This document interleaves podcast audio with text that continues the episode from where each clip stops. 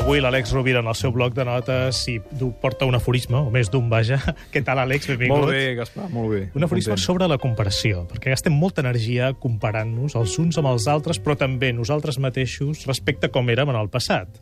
O com podem esdevenir en el futur. De fet, avui m'agradaria compartir precisament, a partir d'això que dius, Gaspar, una reflexió molt lúcida de- d'en André Gida, que va deixar escrita i que diu així.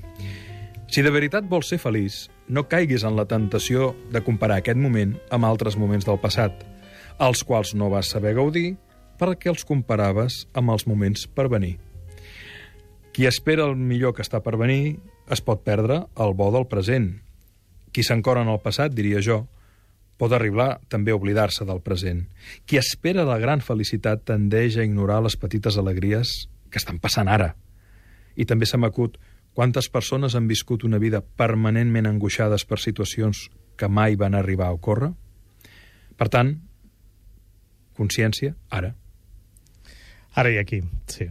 No, i, I no comparar-nos tampoc amb els altres, no? Eh, Perquè Sí. sempre, també també sempre hi perdem. Qui compara sempre perd. Mm. És un bon aforisme i és molt cert. En la mesura que establim una comparació sempre trobarem arguments per sentir que hi ha alguna cosa que, que no va.